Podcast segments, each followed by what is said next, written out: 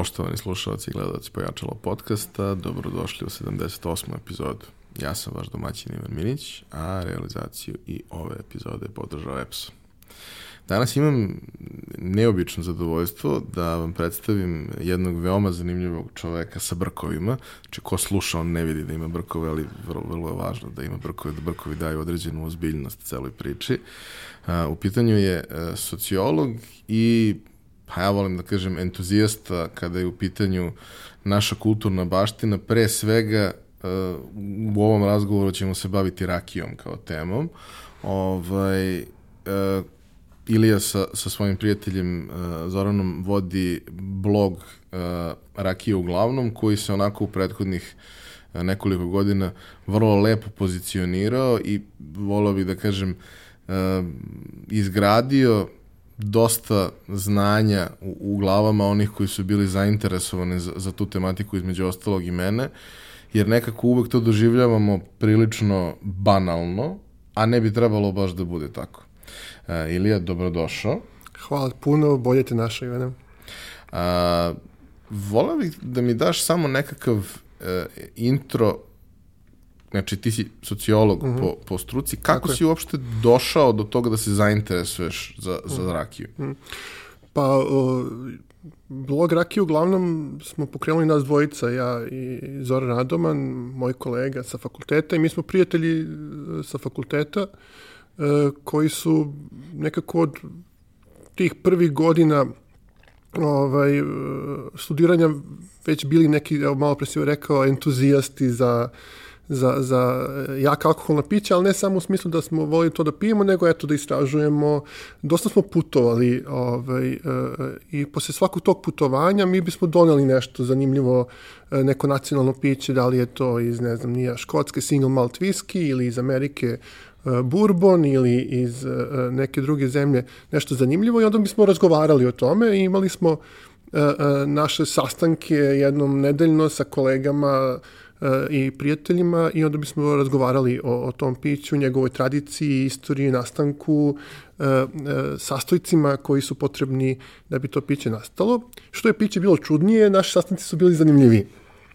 Ovaj, kad bi neko donao meskal ili kad bi neko donao neku norvešku rakiju, onda bi to bilo super i ovaj, to je trajalo dosta dugo, dok nismo u stvari shvatili da živimo u zemlji koja je relativno poznata po, po jakim alkoholnim pićima, a, a da smo, pre svega po rakiji, a da smo je potpuno zanemarili na tim našim sastancima i da mi moramo da damo neki doprinos da bi naša zemlja i naša kultura uh, bila prepoznata po jednom brendu kvalitetnog alkoholnog pića i koji ne zaostaje po svom kvalitetu ni, e, ni za jednom rakijom koju smo do tada probali, iskomentarisali, ne znam, nije opisali i tako dalje. I onda i ti sastanaka e, studentskih, a kasnije, jel tako, i, i sastanaka ljudi koji, koji uh, imaju malo, jel tako, više godina i taman su tako zreli za jedan za jedan ozbiljan napor da se napravi nešto zanimljivo, onda je, onda je nastala rakija u glavu prvo kao blog, a evo sad da kažem i, i, i, i kao, kao nešto mnogo šire od bloga. Sam si rekao da dajemo doprinos, savete, držimo radionice, e, pomožemo destilerijama da izgrade svoje ime, napisali smo knjigu o rakiji, tako da je to sve krenulo onako zanimljivo da se, da se odmotava, a ovaj, e, krenulo je upravo tako kao neko druženje i želja da e, i mi imamo nešto što bi bilo onako e, tržišno zanimljivo kada je u pitanju alkohol. Ono što je meni bilo posebno e, interesantno, e, na blogu postoje razne, razne vrste tekstova, uh mhm. -huh. ali ajde da kažemo da postoje ti neki edukativni tekstovi klasični i postoje recenzije, uh -huh, uh -huh. Kao, kao neke dve glavne podele. E, način na koji ste radili recenzije mi je bio sjajan zato što je, e, što kažu, delovalo mi onako naučno. E, pretpostavljam da kada ste se ono kada ste razmišljali o svemu tome, ok, sa jedne strane uh, imali ste obojica taj background uh, sa, sa sociologije koja mm. omogućava da sa, sa, sa aspekta društvenih nauka dosta dobro analizirate celu stvar, ali je to verovatno trebalo na neki način u, umrežiti sa, mm. sa svim onim ostalim. Mm. A, šta vam je kao donelo to što ste, što ste studirali, a šta ste morali da nadogradite da bi to bilo na nivou koji je zadovoljavaju? Pa jeste, ovaj, kada, kada smo ušli u svet rakija, pomislili smo ponekad onako u razgovoru, pošto smo videli taj prostor da, da kažemo, uh, uh, rakijska cena se tek počela graditi, znači počela tek da se gradi, uh, bilo je potrebe i za, i za ne znam, nija, mladim tehnolozima, i za hemičarima i tako dalje. Onda smo raz, razgovarali i pomislili, pa možda bismo se bolje snašli da smo ovaj, završili hemiju ili tehnologiju i tako dalje, ali smo veoma brzo shvatili da rakija uglavnom ne bi ni postojala da mi nismo iz oblasti društvenih nauka i da, uh, i da smo u stvari su jako dobro, tako malo neskromno, popunili taj prostor između hemije i ne znam nija uh, shvatanja, svakodnevno shvatanja rakije. Da nijedno alkoholno piće, to možemo malo kasnije da o tome nije izgradilo svoje veliko ime, a da nije izgradilo mit o sebi u svojoj kulturi e, da nije ljudima objasnilo zašto baš piti to piće, a ne neko drugo. E, tako i, i sociologija, e, to jest tako i, da kažemo, društvene nauke. Mi smo e, posle fakulteta želeli da e, nekako praktično primenimo ono što smo učili i onako rekli smo sebi, dobro, ako mislimo da smo baš toliko pametni, ajmo da e, damo doprinos ne nekom kritikom ili ne znam ja nekim zamerkama stalno gde živimo, kako nam je, koliko bi bilo, bilo dobro da je malo uređenije, nego da mi damo doprinos da uredimo, uredimo jedan prostor koji, koji nas zanima i onda smo mi krenuli u stvari da, da prezentujemo onako kako smo mi shvatali. Znači, naša prezentacija je utemeljena i sam si rekao u nauci, mi ovaj, poznajemo jako dobru tehnologiju proizvodnje alkohola, ali pre svega je utemeljena u tradiciji, u istoriji destilacije u Srbiji i u podkulturama i mi pokušamo da prikažemo rakiju kao e, podkulturni fenomen. Ono što nam je pomoglo, to je neko znanje tako društvene realnosti i znanje da u stvari e, svako, svaki brend mora da bude nekako kulturno utemeljen i da postoje različiti modeli kako se jedan brand, brand e, da kažemo, u, u, u, gradi kroz, kroz taj kulturni model. Evo, možemo kao neki dobar primer uzeti e, dva poznata pića, jedno je američki bourbon, a drugo je škotski single malt. I vidimo da e, su da, ta dva pića tako doživjela nevjerojatnu ekspanziju u poslednjih deset godina, to su e, desetine novih destilerija, ogroman novac koji je uložen u, u, u taj prostor, jedan tržišni uspeh koji, koji, su, koji su ta pića doživala je neverovatan, ali vidite da imaju potpuno različit pristup u stvari i objašnjavanju šta su oni, e, kakvo je to piće i zašto ga treba piti. Evo recimo, uh, uh, industrija Bourbona je dosta utemeljena u da kažemo, najnovijoj američkoj istoriji, u politici, u geografiji i tako dalje. Recimo imate bourbon koji se zove Knobs Creek, to je, to je, to je bourbon koji je dobio ime po mestu gde, gde E, gde je rođen, ne znam, e, gde su rođeni nekoliko američkih predsednika, pa imate ono Rebel Yell, tako, ta mitologija građanskog rata u Americi, pa George Washington i tako dalje. I vidite da, da oni komuniciraju i sa politikom, i sa istorijom, i sa sociologijom i tako dalje. S druge strane imate uh, industriju uh, škotskog single malt viskija koji uh, onako izmestio je tu, taj, taj, da kažemo, taj mit o tom piću daleko u prošlost. Pa onda imamo E, očivkanje sa keltskom ovaj, istorijom, sa mitovima, sa gelik jezikom, sa, sa, ovaj, e, sa nekim, ne znam ja, narodima koji su živjeli na, na tom prostoru davno. E, I onako, kad pijete ta pića, malo onako, stvari, oni su u stvari jedna vremenska mašina koja, nas, koja vas vodi kroz, kroz, kroz kulturu i tradiciju. E, to je nekako, taj pristup smo primenjali na srpsku rakiju.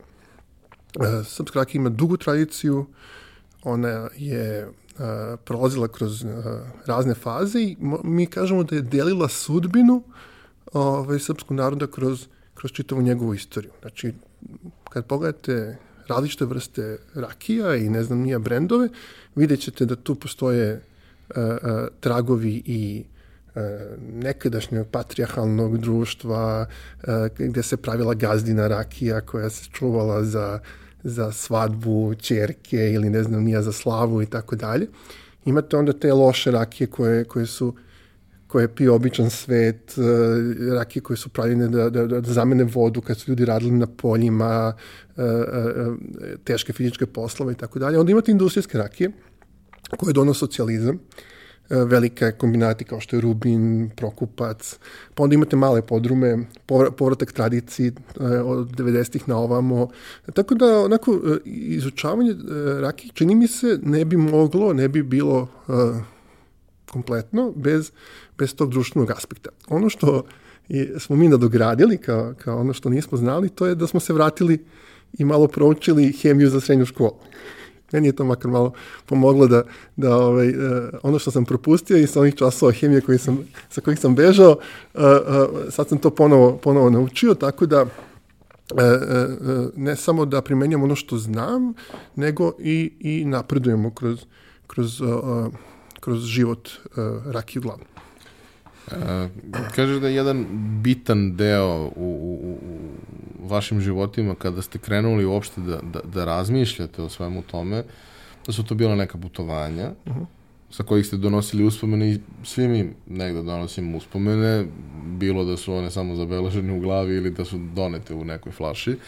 Uh, kako ti je delovalo, recimo, uh, upravo to obilasci nekih zemalja sa vrlo ozbiljnom tradicijom određenih pića. Uh, šta je nešto što pamtiš kao posebno interesantno u tome kako oni to mm. prezentuju? Da, ovaj, ono što, što se prvo prihvati to je i što se uoči, to je jedan, jedan odnos poštovanja prema određenom proizvodu. Znači, proizvod mora da imponuje njegovom korisniku. Ja, a, to je veliki problem uh, E, sa srpskom rakijom. Generalno, reč problem će biti e, dosta frekventna u ovoj našem razgovoru, jer jednostavno rakija uglavnom od kada je nastala, ona se bori protiv određenih problema koje, koje prepoznaje i pokušava to da, da, da, da, da, da promeni. E, odnos poštovanja je nešto što prvo pada, pada ovaj, u oči i razlika koje mi imamo E, dosta pod uticajem nekakvih autostereotipa građenih decenijama i tako dalje. E, kod nas dosta rakija se vezuje za pijanstvo, za gubitništvo, za ljude koji je tako, ne znaju za bolje i tako dalje i tako dalje. I, i primetit će da često Srbi uh, u prezentaciji svog nacionalnog proizvoda, svog nacionalnog pića se pre svega koncentrišu na njegove alkoholne efekte kao da žele da preskoče degustaciju. Ti sad kad pitaš bilo koga zašto vi ti pio rakiju, oni će reći, brate, ono, da, da, ne znam, ja sad će da se ubrzamo ili šta ja znam. Ali kad ga pitaš, čekaj, ali što treba da osetim konkretno kroz degustaciju, koji su to nivoi ukusa, mirisa, arome, to niko neće um, um, umeti, jako malo ljudi će umeti da ti to objasni. Nego nekako želimo što pre to da, da da popijemo i da dođu ti alkoholni efekti koji su kao, kao, kao, kao koji se kao vezuju za rakiju. E, za takvu vrstu pijenja postoji jedna jedno, jedno najbolje piće na svetu koje je, ko, kome ne možemo ništa, sa kojim ne možemo da se takmičimo, a to je vodka. To je piće za alkoholne efekte, zato je ono najprodovanije piće čak i u Škotskoj, čak i u Francuskoj, čak i u Americi. Znači, nacionalna pića ne mogu nikako da, da, da, da, da se približe jednom piću koje je napravljeno samo da se mi sad napimo i da odjednom postajemo nevjerojatno ne raspoloženi. Mogu da se, ne mogu da se približe volumenu. Ne mogu volumenu, ne mogu, je tako je. E, znači, naše nacionalne piće, kao u ostalom i ova koje sam pomenuo, je pre svega piće za uživanje za, to su ono, ono kažu englezi sipping uh, pića, tako, to su pića koja uh, traže strpljenje, koja su kroz strpljenje i nastala jako je zanimljivo da e, mora da prođe preko 100 godina da bi ispred nas došla jedna rakija i predstavila nam se u, naš, u njom sjaju. Znači, mora da prođe jedan čitav vek. Znaš šta mislim konkretno? Kada se sabere broj godina koji je potreban da se hrast, jel tako, da hrast sazri, ono, da, da, da postane e, dovoljno snažan i dovoljno veliki da bi ga mi posekli i na njega napravili bure, tu mora da prođe najmanje 80-90 godina. Znači, nijedan hrast ne, ne seča pre toga. Kada, da bismo dobili prvi plod od jedne šljive, od kada je posadimo do, do, do prvih, prvih plodova koji mogu da je uđu u rakiju, mora pođe 5-6 godina. Pa onda još 10 godina starenja u tom buretu, pa i onda shvatiš da to nije neko piće koje treba sada sunemo, je tako, i, i, i što pre, nego da je to neko piće koje ima veze sa, malo pre smo pomenuli, kulturom i da mora da se razvije kultura pijenja ovaj, onoga što je ispred nas. da moramo da imamo adekvatnu čašu, da moramo da imamo svest od kojih je sorti voća to piće nastalo, koje je njegov, kako bi rekli francuzi, terroir, ili ti, koje je njegovo podneblje, da, da o, možemo da mu se posvetimo. E, čini mi se da na zapadu su ljudi to jako dobro shvatili i a, oni se posvećuju čak i pićima koje su, da kažemo, daleko ispod kvaliteta naše rakije. Mi našu rakiju su, ono, pokušamo što, što više da vulgarizujemo, a oni neke svoja vulgarna pića pokušavaju da dignu na, na, na naj, najveći mogući nivo. Evo recimo grapa je klasičan primjer toga. To je ono komovica, je tako? To, to, su, to je ono piće koje, koje, koje su bake naše držali u špajzu, da kad mi do, kao mali dobijemo temperaturu, da nas namažu ili ne znam nija, da, da nešto... Više za spoljnu nego za unutrašnju Više za spoljnu nego za unutrašnju upotrebu. Ali sad to je italijan, jel tako, setio se da to bez veze, da, mu je, da može na, na tome da zaradi, pa je onda to malo obojio, jel tako, ili malo držao u nekakvom hrastu i onda je to e, prezentovao u jednoj prelepoj flaši, gde je na etiketi prikazan ne znam, neki geografski prostor neki istorijski, neki istorijski moment i tako dalje. E, nasu u jednu finu čašu i prodao ti za ogroman novac ono što je tvoja baka držala kao, kao, boru, ovaj, kao leg protiv temperature. E, e, a kod nas se dešava obrnuto. Kod nas se dešava da, da raki koji su stvarno sami vrh kvaliteta, jer kada bismo malo razgovarali o tom kvalitetu i o, i o brendiranju, ja ne znam nekoliko proizvoda koji su sami vrh svetskog kvaliteta kod nas. Znači, ono, imamo vrhunske naučnike, imamo vrhunske sportiste,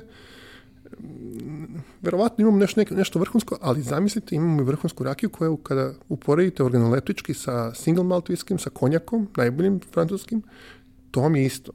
Znači, na, na organoleptičkom nivou je to isti kvalitet a mi nekako nismo umeli, makar, jel tako, do, do pojave rakije uglavnom, nismo umeli to da, da iskoristimo. I to je ono na što smo mi bili ljubomorni, e, kada smo putovali po svetu, posjećivali destilerije, ne znam, nija, neke, neke festivale viski ili ne znam, nija konjaka i tako dalje, ali nismo bili e, frustrirani, nego smo rekli, ok, ajmo sad da pokušamo da nešto napravimo, da ljudima, ljudima prezentujemo ono što smo vidjeli i da, da primenimo neke, neke, neku svoju viziju kako to treba da izgleda. E sad, uh, uh, sociolozi kažu da nema ništa toliko praktično kao dobra teorija. Tako smo i shvatili da ovaj, uh, moramo prvo da napravimo jedan teorijski, teorijski okvir u kome bi se ta uh, rakijska scena gradila. I rakija uglavnom, za razliku od ja tako, uh, drugih blogova, ne znam, nija portala, mi, za razliku od drugih entuzijasta ili, ili, ili stručnjaka, e, smo morali sami sebi da izradimo scenu. Znači, da bi e, bilo šta ponudili na toj sceni, morali smo prvo da je, da je, da je izradimo, da, da, da, nekako, da, edukujete da edukujemo ljude, zašto smo mi neophodni uh, uh, ovaj, uh, toj, toj rakijskoj industriji koja, koja, kada smo mi kretali, tamo negde 2013. 14. nije ni postojala. Onda smo rešili da napišemo knjigu o rakiji koja je evo tu e, ispred nas, zato što je nijedno piće ne može da se e, prezentuje ukoliko nema svoj istorijski okvir. Znači ono, šta ono znači, zašto to treba piti, šta ono treba da nam da, e, koje su to sorte voća koje, koje, su, koje su, da kažemo, ovde vekovima i od kojih nastaje najbolja rakija, e, kako je neko piće, na primjer, dobilo ime ili ne znam nija, e, koja su to prva brendirana, ko su u stvari, e, šta je to u stvari od mermera stepenica na koju ćemo se mi osloniti da bismo brendirali sutra jedan proizvod koji će nam doneti i novac i ne znam nija koji će biti e, bitan izvozni proizvod Srbije. E, koji su to početci? onda smo pokušali i u ovoj knjizi napravili nešto što bi amerikanci nazvali Hall of Fame, je tako? Či ljudi koji su dali ogroman doprinos da, poboljšanju kvaliteta srpske rakije za koje niko ne zna ili koji proizvode vrhunski kvalitet, a, a za koje niko ne zna. Tako da je knjiga nastala prvo rakije uglavnom da bi u stvari objasnila ljudima, da bi ih ohrabrila, da bi, da bi jel tako, da, da, da bi skupila taj volumen, malo pre se rekao, ponosa, zašto treba promeniti odnos prema tom piću i zbog čega je ono jedan uh, možemo reći i, i tržišni e, fenomen i tržišna šansa i, i, i kulturni fenomen i podkulturni i tako dalje. Tako da eto, to je bio neki prvi korak e, kako smo mi u stvari e, krenuli da dajemo značajan doprinos brendiranju srpske rakije. Kada smo pričali u, u, u prethodnim epizodama Pojačala i sa Vladom iz Dogme i uh -huh. sa Radoslovom iz Kopa Coffee, pričali smo o tome kako je mo, možda sad idealan trenutak za tako nešto što, što ste vi krenuli da radite, jer se nekako u prethodnih 15 godina, kod nas, ok, još jedno deset unazad u svetu, uh, krenulo je da se dešava to da ljudi u nekim do tog trenutka svakodnevnim stvarima kreću da traže taj dodati kvalitet, mm -hmm. kreću da traže razlog zašto je nešto dobro, a nešto nije toliko dobro i nemaju problem da plate taj, taj kvalitet. Pa onda ono, kafa je do pre 10 mm. godina bila, ima kafa, ne, ne postoji sad gradacija toga, pa onda došao Nes i sve ostalo, a sad imaš hiljadu i jednu uh, podvrstu specialty kafe i su druge strane raznih vrsta espresso, italijanske kafe i tako dalje.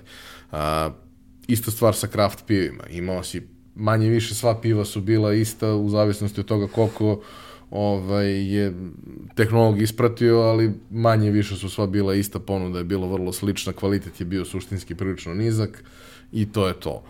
Da bi se sad pojavilo je do potpuno novo tržište na kome se pojavljuje proizvod koji je pet puta skuplji, mm. deset puta skuplji od default proizvoda na tržištu, ali se i dalje prodaje u nekoj količini koja je sasvim dovoljna. Naravno, mm. i dalje standardna kafa se prodaje 50 puta više od svega ostalog zajedno i dalje se ono default pivo koje ljudi piju prodaje 50 puta više, ali se polako formira tržište tih nekih malo finijih stvari. I negde je jasno da i u, u vašoj priči velike fabrike, destilerije, serijska proizvodnja će uvek biti negde u volumenu dominantni, uh -huh. ali su krenuli da se pojavljuju ti neki lepi, mali brendovi, male priče, mnogo nekih interesantnih ljudi i, i, i, i da kažemo sa kulturne scene i sportista je videlo u tome potencijal i krenulo da ulaže u to i po priči ovaj, ljudi koji, se, koji, koji vole i koji se razumeju prave dobre proizvode, koji su sjajno spakovani, imaju neku i daju celoj priči neku, neku dodatnu, dodatnu vidljivost. Ali uh, kako uopšte uh, kako kreće priča sa rakijom? Mm. Što ono pitanje, kao kako je neko saznao za, za mleko, kao pa povuko je kravu za da. vime i ovaj, iscedio kako je nekom palo na pamet ideja. Siguran sam da na sličan način se širom sveta to dešavalo, ali opet postoje neke neke specifičnosti vezane za, za upravo ovo, ovaj naš region. Kad uopšte kreće da se proizvodi rakija kod nas? Hmm. Ove, rakija se proizvodi još od srednjeg veka. Znači, ovaj, a, a, prva rakija u Srbiji je bila komovica.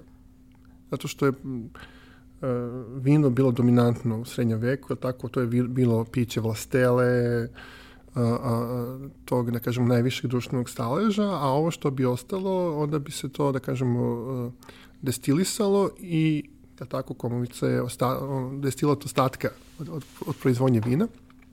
Onda bi se pravio, pravio ovaj, destilat, dobila bi se rakija. Uh, to isto zanimljiva istorijska priča kako je tako srpska država nestajala, to jest ono, srednjovekovna padala pod Turke, e, vino je gubilo primat, jer je nestajala ta vlastela koja je predstavljala tu državu, a onda na, na, na, na njeno mesto dolazi rakija.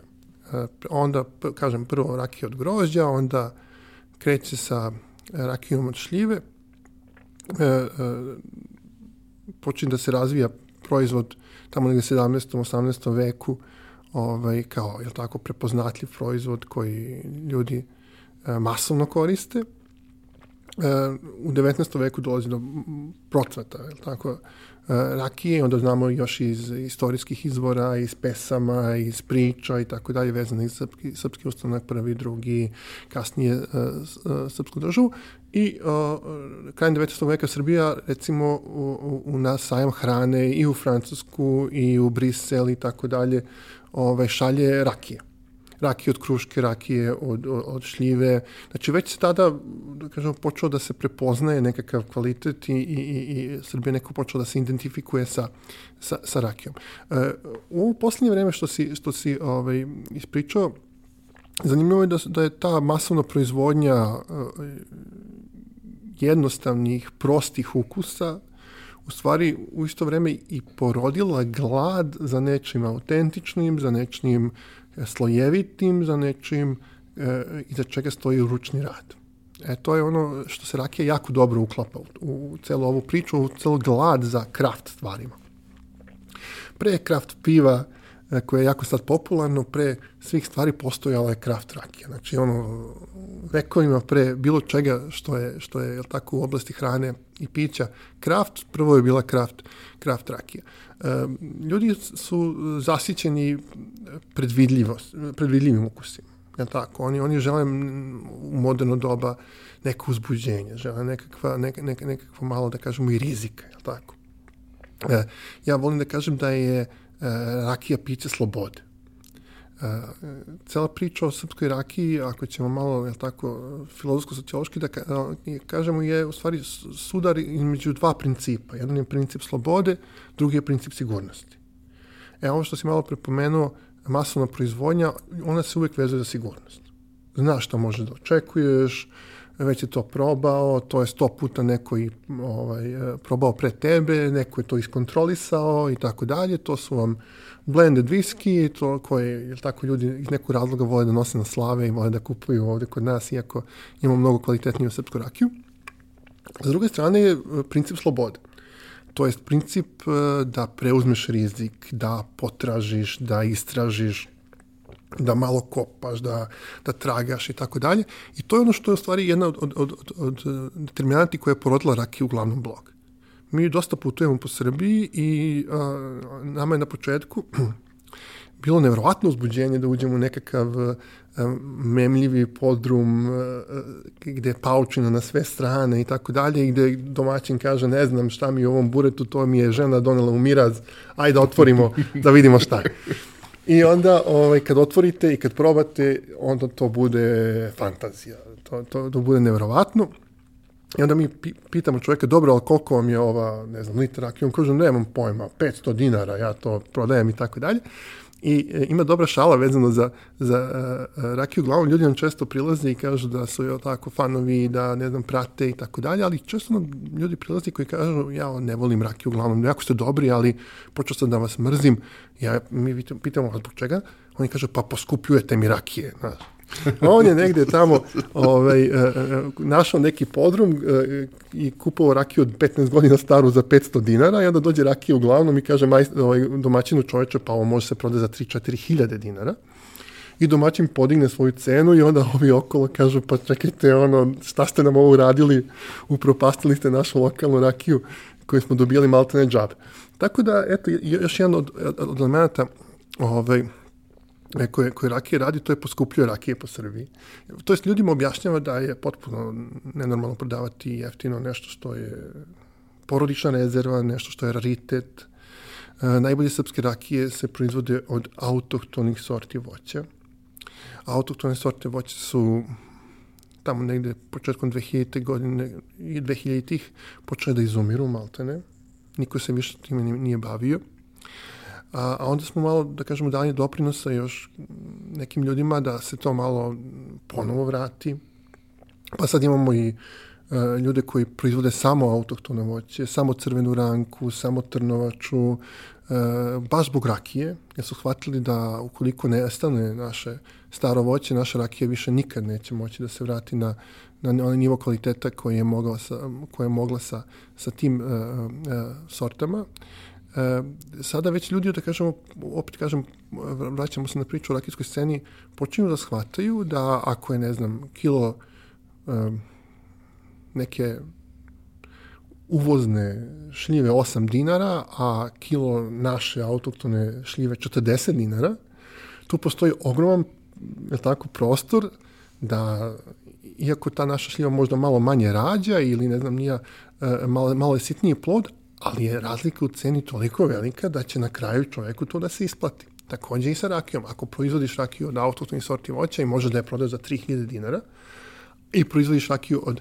ne znam, nija nekakvih uh, uh, uvoznih uh, ogromnih šljiva bez ukusa i mirisa i možda je prodaš za 500 dinara, postoji uh, tržišna logika koja ti kaže da ti da će dodatni rad, dodatni rizik, dodatno čekanje na kraju isplati. Čini mi se da se više i više ljudi počinju da, da to shvataju i da se vraćaju tom ručnom, ručnom radu kada je u pitanju, kada je u pitanju rakija.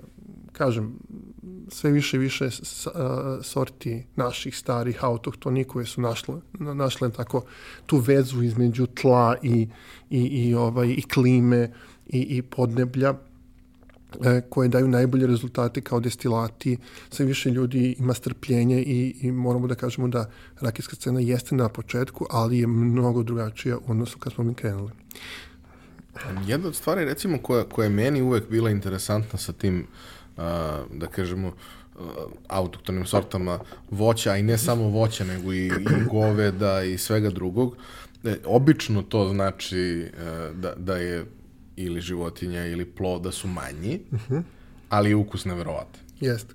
A, verovatno je, da kažemo, upravo taj moment da e, dobiješ e, puno drvo ogromnih plodova presudilo da ljudi kada su birali šta će da seju, ko je uopšte planski to radio, i opredele se za nešto što, što je možda unosnije u kilogramima Ovaj, verujem da je na sličan način situacija bila i sa grožđem i sa svim ostalim stvarima, ali vidim da se, da se lagano menja u smeru da ljudi sve više uh, vode računa o tome da nije bitno samo koliko će tona Jest, izvući da. odatle, već šta će zapravo dobiti, odnosno šta je na kraju taj, taj konačni proizvod koji, koji negde ide. I uh, sećam se kada smo, kada smo išli na uh, dva intervjua koje smo radili za moju firmu, oko kojih ste nam mnogo pomogli i oba su bilo fantastično iskustvo i oba su vrlo interesantne priče i ispričat ćeš ih posle.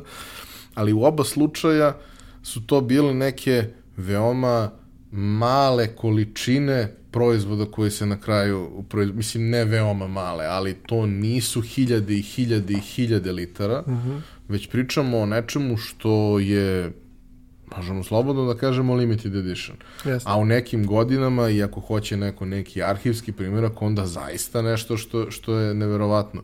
Sva vremeno uh, smo bili i probali čuvenu dedinu rakiju, koja je zaista, zaista nešto fantastično i okej, okay, probali smo i kako je unuk pravi, a pravi je sjajno, ali probali smo i originalnu dedinu rakiju i to je iskustvo koje je jednostavno nešto što pamtiš ceo život. Mm.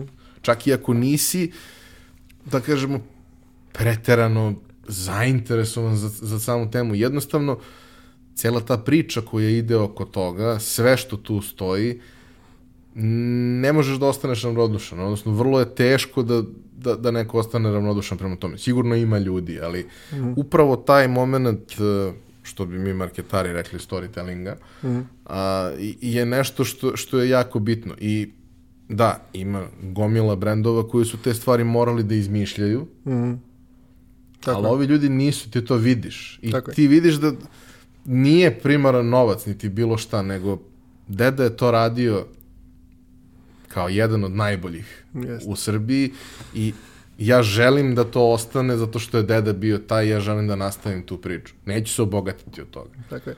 Neću biti ni u minusu, naravno, to je vrlo bitno, ali kao želim da nastavim tu neku priču i tu neku tradiciju koja postoji. Ove godine su, i ove, da kažemo, ove decenije su sjajne, sjajne da se bude rakije uglavnom. Ili da se bude, ne znam, entuzijasta po pitanju, po pitanju rakije u Srbiji. E, evo, recimo jedna zanimljiva stvar, e, kako je to u Americi, malo pre si rekao, pokušaj je da se nekako kupi istorija, a istorija ne može baš tako lako da se kupi. I onda u jednom trenutku tamo negde 2010. 11. godine, 12. počele su da se masovno pojavljuju na tržištu Amerike uh, uh, small batch bourbon ili limited edition i tako dalje i tako dalje. Uh, maltene na svakom koraku su se javile destilerije koje su govorile da imaju recepturu za bourbon još iz vremena prohibicije i tako dalje i tako dalje. Međutim, Amerika kao ozbiljna zemlja je počelo to da malo istražuje i, i tamo, da kažem, nazovemo to neka financijska inspekcija i tako dalje. Onda su shvatili i otkrili jednu najvećih prevara u, u, u, u istoriji alkoholnih pića, to je da jedna velika, ogromna fabrika u Indijani proizvodi sve te burbone i da si ti u stvari kupovinom tih small batch bourbona samo kupovo različite etikete, a da je unutra isti bourbon iz Indijane, koja, koja, koja proizvodi ogromna fabrika. Uh, uh. E, toga nema recimo kod nas. Znači, Srbija je zemlja koja stvarno ima vrhunski kvalitet, stvarno ima uh, nešto što, što uh, su porodične rezerve, kažem, malo pre sam pomenuo, stvarno nešto što je, što je izuzetno kvalitetno. E, Međutim, e, industrija se ne gradi na tim porodičnim rezervama, to, to se isto ovaj, primetio, nego moramo dati nekakav e, doprinos da bi se industrija dovoljno to, toliko razvila, da bi jel tako, ti ljudi koji proizvode rakiju do, došli do i novca i, i da, da bi se proširili, da bi kupili više buradi, da bi imali više voća, da bi u jednom trenutku rekli, e, ajde da se vratimo na onu staru dedinu rakiju, daj, ne znam, 20% od od o, proizvodnje ove godine, ostavimo onako kako je deda to ostavljao, pa ćemo imati e, e, specijalnu seriju za 5, 6, 7, 8 godina i nju ćemo prodavati jako skupo. E, da bi se to desilo, nekako moramo da izgradimo rakijsku scenu. To je ono što Srbija, što, što, što rakija uglavnom pokušava u Srbiji. Jako je zanimljivo kad, kad govorimo o velikim proizvodima I među ostalo, kraft pivo je veliki proizvod i ne znam, ja, e, e, e, malo pre smo pomenuli, jel tako, sva ova alkoholna pića. Ovo što se dešava u Srbiji sa kraft pivom i sa drugim e, je u stvari e, odgovor na nešto što se već dešava, jel tako, u Kanadi, Americi, e, na, u zapadnoj Evropi i tako dalje. Čini mi se da ljudi koji jako dobro rade kraft piva, ja sam isto ljubitelj kraft piva u Srbiji, su se nekako, e, uspeli su da na tom talasu jel tako, malo da iskoriste energije tog velikog uh, istorijskog i, i, i da kažemo tržišnog talasa. Ono što je problem sa rakijom uglavnom je u stvari da smo mi morali od početka da gradimo rakijsku scenu. Ovo je malo uh, neskromno, ali stvarno je tako. Znači, mi sada imamo i, i tako, uh, konkretne, konkretne projekte na kojima radimo i pomažemo destilerijama da, da, da njihov proizvod bude bolji, da bude bolje prezentovan, ali da biste došli do tog nivoa, morali smo prvo ljudima objašnjavamo zbog čega je bitno recimo da imaju e, dobar tekst na svom sajtu. Prvo, zašto je dobro da imaju sajt? Pa onda zašto je dobro da, da, da, da, da imaju dobar tekst na sajtu. Da biste, ne znam, prodali copyright tekst, prvo mora taj neko da shvata da mu je potreban copyright tekst. E, da bi, ne znam, nije vodili e, društvene mreže nekim destilerima, morali smo prvo da objasnimo da, zašto su društvene mreže uopšte bitne u, u, u, ovaj, u svetu e, rakijskog biznisa da bi, ne znam, radili neki consulting, morali bismo da, morali smo prvo ljudima da objašnjavamo da nije dovoljno da imaju dobar proizvod. To, to ja, meni se čini najteže bilo objasniti. Nije dovoljno da imaš dobru rakiju. Neko mora da zna za nju. Ona mora da bude upakovana nekako. Ona mora da, e, ne znam, da, da mora postoji, da postoji kvalitetna prezentacija tog tvog dobrog proizvoda. Inače ćeš da ostaneš na nivou onog već tog futbolskog talenta koga niko nije otkrio. Da, postoji taj jedan moment gde e, naši ljudi zaista doživljavaju to na način da ja imam dobar proizvod i to je dovoljno. E, na tržištu se podrazumeva da je proizvod dobar. Tako je. Sad postoje tu neki finese, neki proizvod je malo bolji, neki proizvod je malo lošiji, ali oni su u proseku svi dobri, ne bi bili tu da nisu. Postoje i oni koji, kojima nije uh, da kažem, taj unique selling proposition to da budu dobri, nego da budu jeftini. Uh mhm. -huh. Oni se takmiču potpuno drugoj utakmici i tu suštinski je bitno da je jeftino i da je veliko pakovanje i tako dalje, a ne bavi se niko previše nekim, nekim kvalitetom, ali postoje različite utakmice koje uh mhm. -huh. se igraju. A, jedan deo koji je meni posebno interesantan u vašem radu i, i za koji mislim da je uh, možda negde nepravedno e, zapostavljen, a mislim da je veoma, veoma značajan, je rad sa ugostiteljima i ljudima koji to treba da plasiraju, informaciju treba da plasiraju dalje. Ok, kod nas postoji tradicija da kad se dođe ko nekog, recimo u mom selu konkretno nisam bio ovaj, do, dosta dugo, ali kod nas je to, sipa se dokle god je čaša prazna i onda na, u nekom trenutku shvatiš da ne treba da, da bude prazna, jer da. ćeš popiti beskonačno. Postoji ta neka tradicija da kad dođeš kod nekog popiješ rakiju, možda i ne znam, da, raznim, raznim prigodama, ali recimo za, za neku moju generaciju, koja mi, mislim, nismo više ni toliko mladi, 35 godina, mi smo sad neka, da kažemo, noseća generacija, mm. narednih 10, a, najveći kontakt sa tim se zapravo dešava u restoranima. Tako Kada hoćeš da popiješ aperitiv ili šta god, težak dan ili prosto voliš, nije važno. I onda pozoveš konobara i takva priča je bila i sa vinom, koja imate vino, imamo crno i belo. I ljudi se zgroze kad im tako, ko to voli, ko prati, oni se zgroze na, na, na takvo objašnjenje i tako je. to je nešto što se kroz preteklih 15 godina značajno popravilo. Yes. S tim da i dalje se najčešće svodi na to imamo jednu od dve velike ono porodične mm. vinarije mm -hmm. i kao to je to ili eventualno Zvonko Bogdan ili nešto mm -hmm. tako i kao to je cela priča i suštinski ne znam da ti kaže ništa. Mm. Ali kada dođeš u situaciju da sedneš sa nekim i on zna da ti kaže i ti mu objasniš, pitate šta voliš i ti mu objasniš šta voliš i on ti donese nešto, to bude nezaboravno iskustvo. Ja sam nekoliko puta u životu, ja suštinski ne volim da pijem vino, ali mm. nekoliko puta u životu sam popio vino koje pamtim, pamtit ću ga ceo život. Mm. Slična situacija je negde sa rakijama, s tim što mislim da to što ste vi radili uh, obučavajući ljude u nekim od najboljih restorana u gradu, mm. Je napravilo tu razliku da kad dođeš, uh, on ti ne preporuči default rakiju, mm. ono kao, e, vi ste došli, hoćete, imamo ovo, mm. ili ako, a jel ima nešto malo bolje, on ti preporuči najskuplju, jer kao, sigurno ne može da bude loše ako košta 400 dinara da. čašica. Da.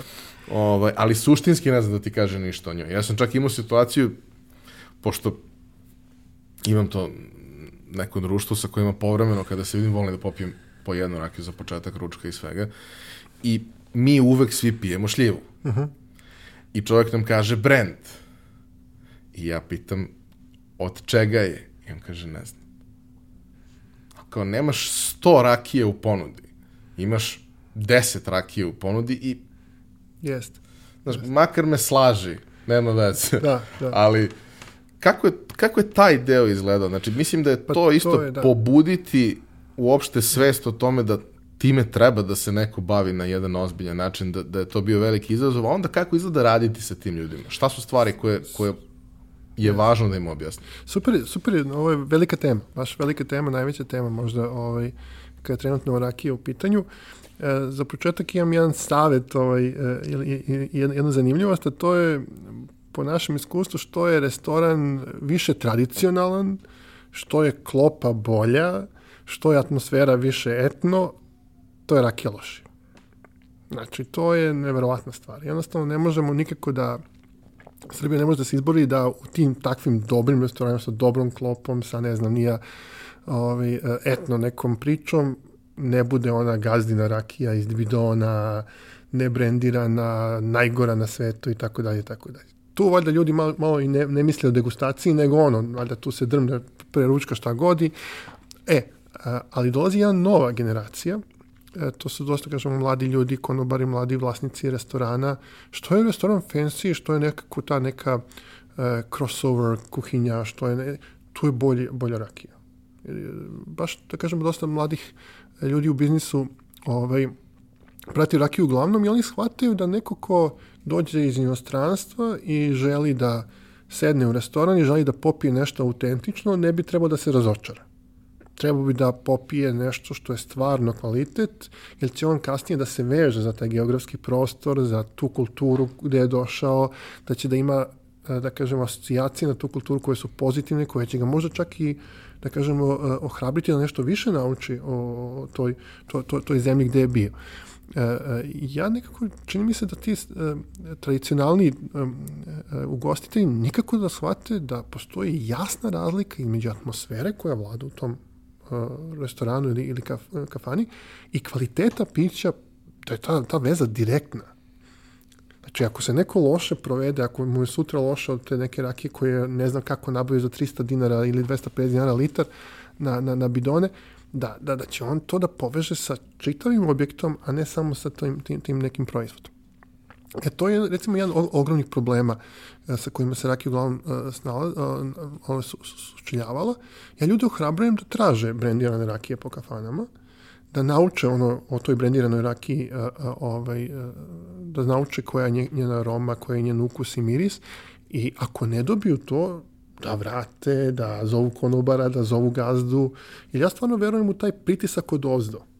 Mnogo ljudi na našem tržištu, rakijskom tržištu, očekuje neku ekstra pomoć države. Tako, kad država bude uradila ovo, kad država bude uradila ono, možemo da osedimo čekajući da, da država, ne znam, reguliše, moramo mi nešto da se organizujemo, da, da kažemo taj, da stvorimo taj e, opet e, e, pokret ono, od, od, od običnog naroda koji će reći, e, ja znam što želim, ja znam da nisam dobio to što želim i ovo neću da ti platim, hoće sad da mi vratiš i da mi se izviniš. Zato što u srpskim restoranima i u, u kafanama često dobijate rakiju koja, čak i kad piše da je brendirana, da, da je, ne znam, poznati proizvođač, oni, što, oni vam sipaju nešto što nema veze s tim, s tim, ovaj, e, s tim proizvodom. Ja sam doživao konkretno neprijatnost u jednoj kafani, ajde da ne govorimo ko je, ko je i šta je, jako poznata, jako poznata po klopi i tako dalje. Naručio sam bebe klekovaču, pošto je ona, jel tako, naj, e, najrasprostranjenija kao ovaj, brendirana rakija i sa njom ne možete da pogrešite. E, čovjek mi je donao rakiju koja nije čak ni klekovač. Gde nema čak ni kleke. Znači, obična neka, neka žuta, odvratna rakija koja nema veze sa, sa, sa, sa, prediranom rakijom i onda sam normalno ja, jel tako, zvao i, i, i, i konobara i šefa sale i tako taj napravio skandal. Oni su baš bili u čudu da neko pravi problem oko rakije. Brate, suni to, plati i idi. Mislim, e, to je to. Znači, meni se čini kad se javlja, javi taj pokret e, osvešćenih konzumenata, onda ćemo imati, imati ovaj, e, situaciju koja će koja se neće dešavati da se gost podcenjuje tako što mu se sipa neka rakija koja nema veze, veze sa, e, sa kvalitetom. Ali upravo si to je jedna od velikih velikih tema srpsko ugostiteljstvo. E, tu ima još nekoliko bitnih elemenata. Ima jednu zanimljivu priču vezanu za to. Rekao si da smo radili u jednom restoranu obuku konobara, rakijski meni koji je sada najbolji na Balkanu, konobari koji su stvarno bili sjajni posle naše ovaj, obuke koji su kasnije prenosili tu priču o dobroj rakiji kad su na, napustili taj restoran, otvarali neke svoje, svo, svo, svoje kafiće gde je rakija bila bitan, uh, bitan segment ponude. I onda nam je gazda ovaj, tog, tog uh, lokala rekao, dobro, ovo momci, da vam se zahvalim za ovo ili da vam, ne znam, platim, ja ću da, da vam dam uh, moju marketinšku agenciju da ona malo promoviše vaš blog i da vam pomogne oko pravljenja logoa i tako dalje. Bili smo tad, na samom početku. I onako malo da, da vam objasni šta je to, kako vi to treba da nastupate i tako dalje. I mi, mi smo pristali i otišli u veliku marketičku agenciju u Knez Mihajlovoj, seli sa gazdom te marketičke agencije, objasnili mu da smo mi blog koji se bavi rakijama, da imamo knjigu koje, koje, koje, koje, koju želimo da promovišemo, da promovišemo naš, ka, kažem, pristup raki, on je rekao, wow, momte, super. I baš je čudno da ste došli, zamislite, ja sam tri godine bio plaćen od uvoznika jakih alkoholnih pića da plasiram kroz medije negativnu kampanju o rakiji.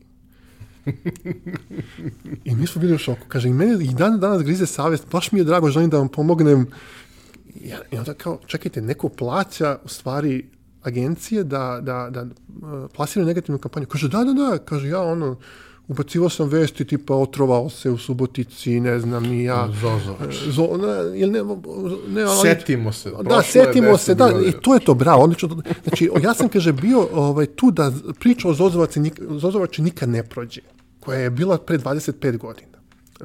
Znači, e, nije samo da, da, da, da, da ovaj, e, nego su, postoji kampanja da se stvari rakija predstavi u što negativnijem svetlu da bi se uvozni proizvodi prodavali jer su oni za Boga sigurni ne znam nije s njima nema greške i tako dalje. Znači, to je isto jedan od problema, što često oni koji bi trebali da promovišu rakiju, u stvari rade potpuno suprotno.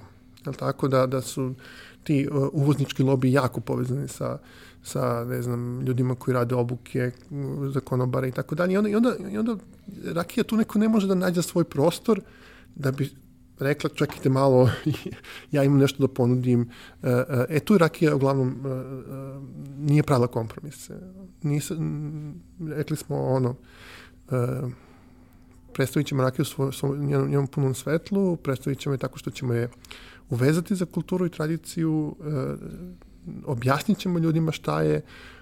Onda smo formirali Beogradski rakijski klub, to je isto jedno na, naše, naše čedo, da kažem, na koje smo jako ponosni, to jest, shvatili smo da postoje ti ljudi, evo, kao što si ti, kao što sam ja, ljudi koji žele da sa, znaju, rade svoj posao, da kažemo, misle da je deo bontona poznavati dobro rakiju. Ja mislim da je čak i deo nakon nacionalnog bontona, tako da treba da se nekako ukoreniš u toj tradiciji iz koje se izašao i među ostalo poznavajući i gastronomiju i pića i tako dalje. I onda smo uh, otvorili Beogradski rakijski klub, to jest, to jest, da kažemo, formirali ga, svaki je sastanak Beogradskog rakijskog kluba i u drugom, drugom restoranu i tako dalje, gde ljudima prezentujemo šta je to dobra rakija, Uh, ne znam, svaki, svako, svako veče, uh, na svakom sastanku imamo jednu rakiju koja je lažna, pa napravimo lažnu dunju, pa ne znam, nije, da li će ljudi to da prepoznaju. Generalno, koliko sam ja shvatio, svaka dunja manje više je lažna. Manje je lažno. Brendirane nisu lažne, ali one koje, koje vam nude po nekim restoranima gde e, na 10 metara osetite da, da miriše nekakva dunja ili nešto tako, to su te parfemisane rakije i jako je zanimljivo da E, e, e, to su obično rakije koje, koje, je osnovi jabuka, koja je najneutralnija rakija, I onda se u jabuku ubacuju arome koje su, koje treba da imitiraju mirise i ukuse i arome nekog voća. Jako zanimljivo za dunju. Jako malo ljudi zna uopšte kako dunja u stvari miriše. Znači, većina ljudi je dobilo taj miris dunje kroz nekakve konditorske proizvode, kroz neke bombone, kroz nekakve... Ve, tako je. I znači, imate populaciju gde 90% ljudi misli da je aroma dunje ono što nije. I onda da im se, da im se proda lažna rakija, sipa se aroma zelene jabuke koja u, u, u, u da kažem, u toj, toj nekoj smeši e, daje nekakav uh, miris bombona, čokola, ovih žvaka i tako dalje i tako dalje. I to je najčešće rakija od dunja koju, ta lažna rakija od dunja koju, koju ljudi piju i misle da je to to. Znači, to je u osnovi rakija od jabuke u kojoj se doda e, aroma zelene jabuke i vi na kraju dobijete to kao, vama se čini da je to dunja. A u stvari nema nikakve veze sa prirodnim, prirodnom dunjom. E, to, je, to, to je to. E, opet, e, da se vratim, e, da ne bude da samo nešto kritikujemo, mnogo, da kažemo, mladih ljudi ove poslednje generacije shvata da kada, bi, kada neko uđe u njihov restoran e, i ne znam, vi mu ponudite merlo, velike, velike su šanse da je on probao hiljadu merlo boljih nego ovaj što je ovdje iz Srbije. Ili kad mu ponudite, ne znam, uh, francuski konjak, a on dolazi iz Francuske, vjerovatno je zasićen više tim i treba da ga kupite nečim autentičnim, nečim autohtonim, treba da ga vežete za određeni prostor da biste imali a, čovjeka koji će da svedoči kvalitet dalje koji će postati ambasador, jel tako, tog vaše kvaliteta. E, rakija je idealan proizvod za to.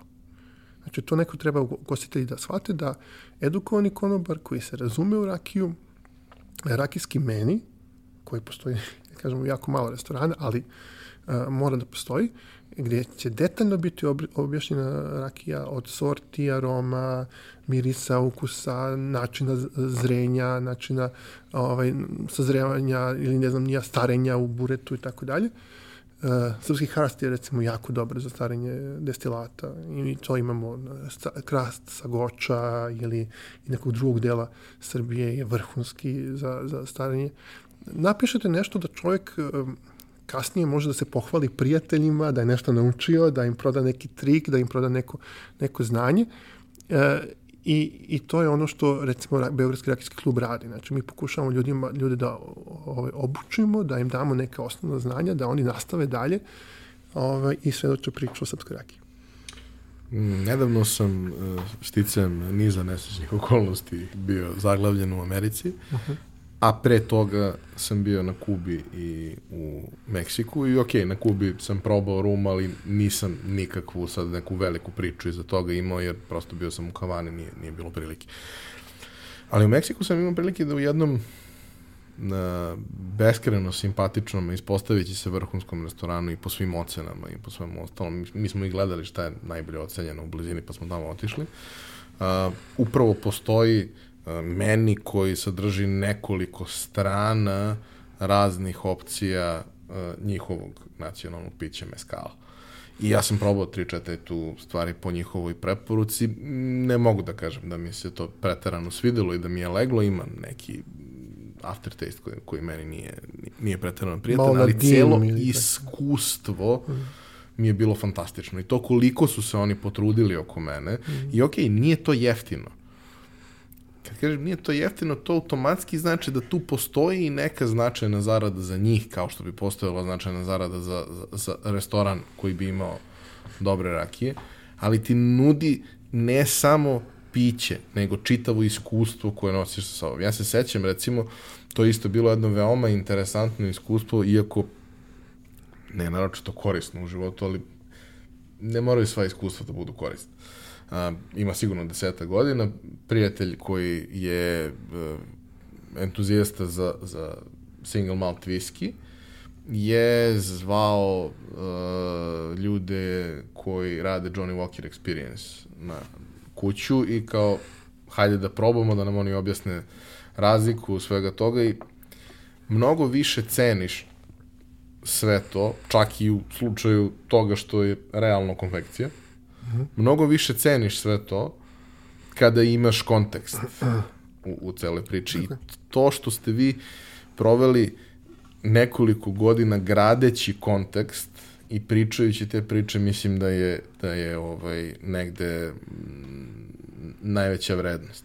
E sad, voleo bih po tvom izboru, evo ja, ja se neću mešati iako sam pročitao manje više sve recenzije, voleo bih po tvom izboru da nam kažeš nekoliko uh, autentičnih priča o nekim rakijama koje su, koje su zaista posebne. Mm -hmm. Jer, uh, recimo, kao što si rekao, stranci jesu generalno prezasićeni svim tim nekim komercijalno dostupnim ukusima i to. I ja uvek gledam kada poklanjam nekome ko mi je značajan nešto, da to bude upravo nešto što je vrlo autentično i naravno gledam da bude dobro spakovano, jer dosta je lakše ubediti nekog da proba nešto što zaista izgleda kako treba. A, koje su, ono, priče koje ste ispričali i recenzije koje ste radili, koje su vama ostavile najjači utisak i, i, i, i zbog čega? ovaj, e, e, pre svega bi se bazirao ovde na opet novu priču o autohtonim sortama, sortama voća. E, e, postoje, da kažemo, autohtoni stare sorte voća, pre svega šljiva, to su šljiva požegača ili mađarka. Ona je, da kažemo, sad postala dragulj srpske rakijske scene, u smislu da je jako teško naći nešto što je proizvedeno od nje ili 100% od nje i tako dalje. Onda crvena ranka, to je prava srpska autoktona sorta nastala na našem terenu, e, nje je fantastična. I treća, treća je trnoča, E, ovaj, pa, pa da kažemo, to, to, to su neke autoktone sorte koje su onako, pronaći rakije od njih je jako zanimljivo i vezane, priča vezane za njih su e, jako zanimljive. Još nekoliko ima zanimljivih stvari vezano za ove, srpsku rakiju, recimo priča o urbanim destilerijama. To je isto jako zanimljivo, da je Beograd grad koji ima svoje urbane destilerije e, i, i, i, i urbana, urbane destilerije su glavna fora, onako, je tako, na zapadu. Sada ljudi maksimalno pokušavaju da, da u velikim gradovima otvore nekakve, nekakve priče koje, koje, su, koje su vezane za, za priče, pivo, rakiju, džin tako dalje. E sad, recimo, mogu da pomenem neke rakije koje su meni bile zanimljive. Zanimljivo da je da se da se najbolja rakija Srbije proizvodi u Beogradu. to jest u nasilju Borča. Ovaj, gospodin Ilija Rudić u svom u svom, svo, svojoj e, garaži koji je napravio, napravio pretvorio u destileriju. A, a iznad te destilerije je e, muzički studio njegovog sina Petra Rodića, jel tako, gde, gde vežbaju najbolji beogradski bendovi i, i, i a, ovaj, a dole ispod se pravi naj, najbolja rakija u Srbiji, evo na poslednjem, na poslednjem takmičenju ovu Čačku, e, rakija iz Beograda, iz Borče je dobila najbolje ocene i postala ovaj, najbolja rakija Srbije. Znači, ne morate da idete sad, ne znam, na neke planine da se penjete ili da tražite neke uh, ovaj, ljude, nego eto, tu u našem komšiluku imate, imate uh, rakiju koju, koju proizvodi čovjek iz Beograda. Pored toga, jako zanimljiva uh, destilerija na Dorčelu, koja se zove Urbana destilerija Branka Nešića. Recimo, čovjek može da povede drugare, prijatelje, goste, da ne mora da sad, ne znam, ja putuje negde daleko, nego eto, na Dorčulu može da naiđe na jako zanimljivu destileriju. E, onda destilerija Paunić u Grodskoj, je tako, koji je isto deo Beograda. Znači, u Beogradu ima jedno 3, 4, 5 dobrih destilerija koje proizvode vrhunske rakije i e, gde, u stvari, na, na 10 minuta, 15 minuta vožnje možete da dobijete e, ovaj, taj, ta, tu vrstu tu vrstu uživanja u, u rakijama koje su i stare i kvalitetne i znaju ti ljudi da vam to posluže i, i možete da, ne znam, probate, kupite i tako dalje. E, još jedna zanimljiva priča rakijska je e, brand rakija iz rakije. To, to je e, rezervat crvene ranke koji je naš prijatelj Deki formirao na, na Gledičkim planinama. On je veliki entuzijasta koji nije dozvolio da ta srpska autoktona sorta voća nestane. I onda je krenuo da je sadi, da pravi ovaj, e, ta rastila gde će onda, da kažem, da je, da je presađuje, da, da, da, da je čuva, da, da prodaje ljudima, da, da poklanja ljudima i tako dalje i tako dalje. I on proizvode rakije iz rakije od 100% crvene ranke. Znači, 100% autoktone sorte voća, a ako vas zanima da, da, da ne znam, pravite uh, voćnjak od te stare srpske sorte, možete i da nabavite sadnice i da se uključite u u priču o autohtonim sortama, sortama voća. Generalno, rakija uglavnom je uh, jedan veliki poziv ljudima da se uključu u zajednicu. Mi nismo tu sad samo da objasnimo kako smo mi uh, to jedini i kako imamo neki monopol na, na prezentaciju srpske rakije. Ne Bože, ne, mi smo tu da formiramo zajednicu. I ta, ta priča o našem blogu, ali i našem YouTube kanalu i ne znam, našim društvenim mrežama je jedna, jedna, jedna priča gde su uh, ljudi, Zoran i ja, stvari iskoristili tu demokratizaciju medija da ponude neku svoju ekspertizu, ali i da formiraju zajednicu. Ako neko ima nekakav uh, nekakvu ideju kako bi se pomoglo srpskoj rakiji ili ne znam ja, ako ima nekakav napor, mi smo tu da pomognemo 100%. Eto, Dejan je na Glavičkim planinama uh, napravio rezervat crvene ranke, gde ne postoji ni jedna druga sorta šljive. Generalno te stare sorte šljive su malo osetljive na ako u komšiluku imaju nekakve hibride ili ako dominantne. Imaju, ako imaju neke dominantne, ako imaju nekakve ovaj, uh, nabildovane, je li da, tako? bukvalno ih zamišljam kao ono, na steroidima. Recimo, i postoji jedna sorta šljive koju, koju masovno, nažalost, uh, uh, srpski voćari uvoze, zove se Grossa di Felicia, ovaj, ona je 120 grama, jedna šljiva. Znači, ja mislim, Ko jabuka manje. Znači, kad bi neko sad to stavio na sto, ja mislim da bi se svi uplošili, jel tako? Mislim, 120 grama šljiva. To ne može da bude dobro. Mislim, za rakiju. A, verovatno ni za... E, a, ove naše šljive su male i, i ovaj, e, e koncentrovane aromama, jel tako? One su odlične za sušenje, recimo požegač odlično za sušenje i tako dalje, pa kad dobijete u restoranu, ne znam, neko jelo e, gde, gde, gde, gde su suve šljive upravo od, od te sorte, to je nešto što je, što je fantazija.